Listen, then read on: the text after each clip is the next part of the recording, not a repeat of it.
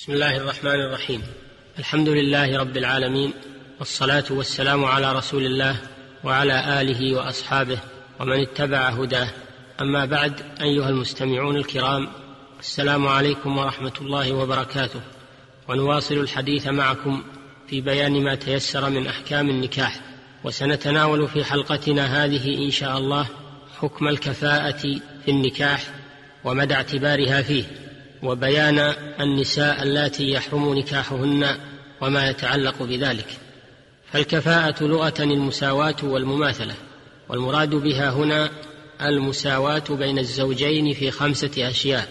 أحدها الدين فلا يكون الفاجر والفاسق كفءا لعفيفة عدل لأنه مردود الشهادة والرواية وذلك نقص في إنسانيته. الثاني المنصب وهو النسب فلا يكون العجمي وهو من ليس من العرب كفءا لعربية. الثالث الحرية فلا يكون العبد ولا المبعض كفءا لحرة لأنه منقوص بالرق.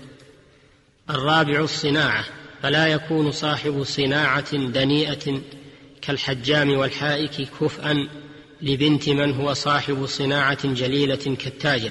الخامس اليسار بمال بحسب ما يجب لها من المهر والنفقة فلا يكون المعسر كفءا لموسرة لأن عليها ضررا في إعساره لإخلاله بنفقتها. فإذا اختلف أحد الزوجين عن الآخر في واحد من هذه الأمور الخمسة فقد انتفت الكفاءة ولكن ذلك لا يؤثر على صحة النكاح لأن الكفاءة ليست شرطا في صحة النكاح. لأن النبي صلى الله عليه وسلم أمر فاطمة بنت قيس أن تنكح أسامة بن أسامة بن زيد فنكحها بأمره صلى الله عليه وسلم متفق عليه ولكن تكون الكفاءة شرطا للزوم النكاح فقط. فلو زوجت امرأة بغير كفئها فلمن لم يرضى بذلك من المرأة أو أوليائها فسخ النكاح لأن رجلا زوج بنته من ابن أخيه. ليرفع بها خسيسته فجعل النبي صلى الله عليه وسلم لها الخيار. وبعض وبعض من العلماء يرى أن الكفاءة شرط لصحة النكاح وهو رواية عن أحمد.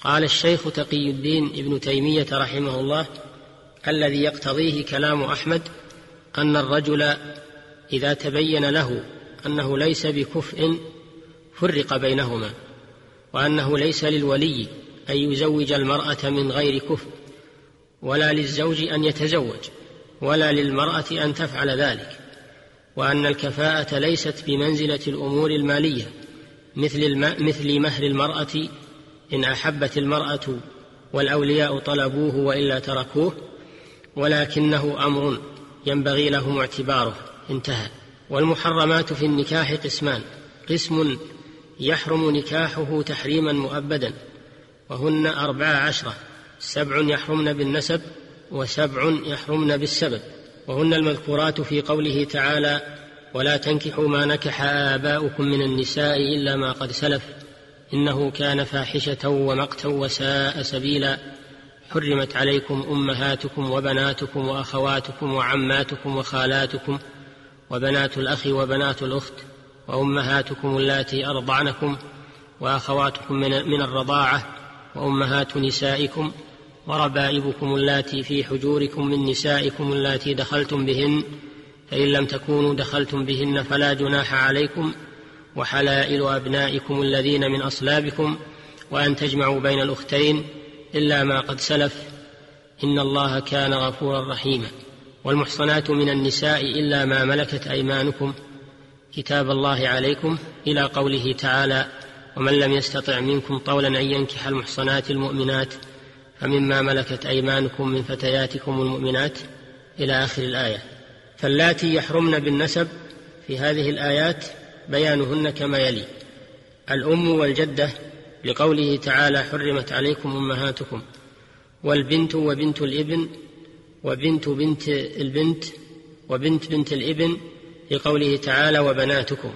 والأخت شقيقة كانت أو لأب أو لأم لقوله تعالى وأخواتكم وبنت الأخت وبنت ابنها وبنت ابنتها لقوله تعالى وبنات الأخت وبنت الأخ وبنت بنت الأخ وبنت ابنه لقوله تعالى وبنات الأخ والعمة والخالة لقوله تعالى وعماتكم وخالاتكم واللاتي يحرمن بالسبب هن الملاعنة تحرم على الملاعن لما روى الجوزجاني عن سهل بن سعد قال مضت السنة في المتلاعنين أن يفرق بينهما ثم لا يجتمعان أبدا قال الموفق لا نعلم أحدا قال بخلاف ذلك ويحرم بالرضاع ما يحرم بالنسب. من الأقسام السابقة فكل امرأة حرمت بالنسب. من الأقسام السابقة حرم مثلها بالرضاع كالأمهات والأخوات لقوله تعالى وأمهاتكم اللاتي أرضعنكم وأخواتكم من الرضاعة. وقال النبي صلى الله عليه وسلم يحرم من الرضاع ما يحرم من النسب. متفق عليه. وتحرم بالعقد زوجة أبيه وزوجة جده لقوله تعالى ولا تنكحوا ما نكح آباؤكم من النساء.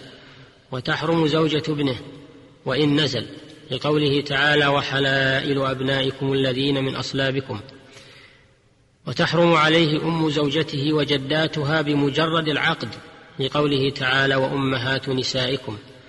وتحرم بنت الزوجة وبنات أولادها إذا دخل بالأم لقوله تعالى وربائبكم اللاتي في حجوركم من نسائكم اللاتي دخلتم بهن فإن لم تكونوا دخلتم بهن فلا جناح عليكم.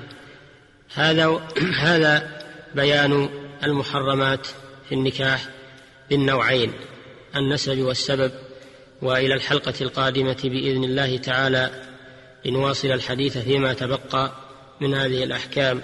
والحمد لله رب العالمين صلى الله وسلم على نبينا محمد وآله وصحبه.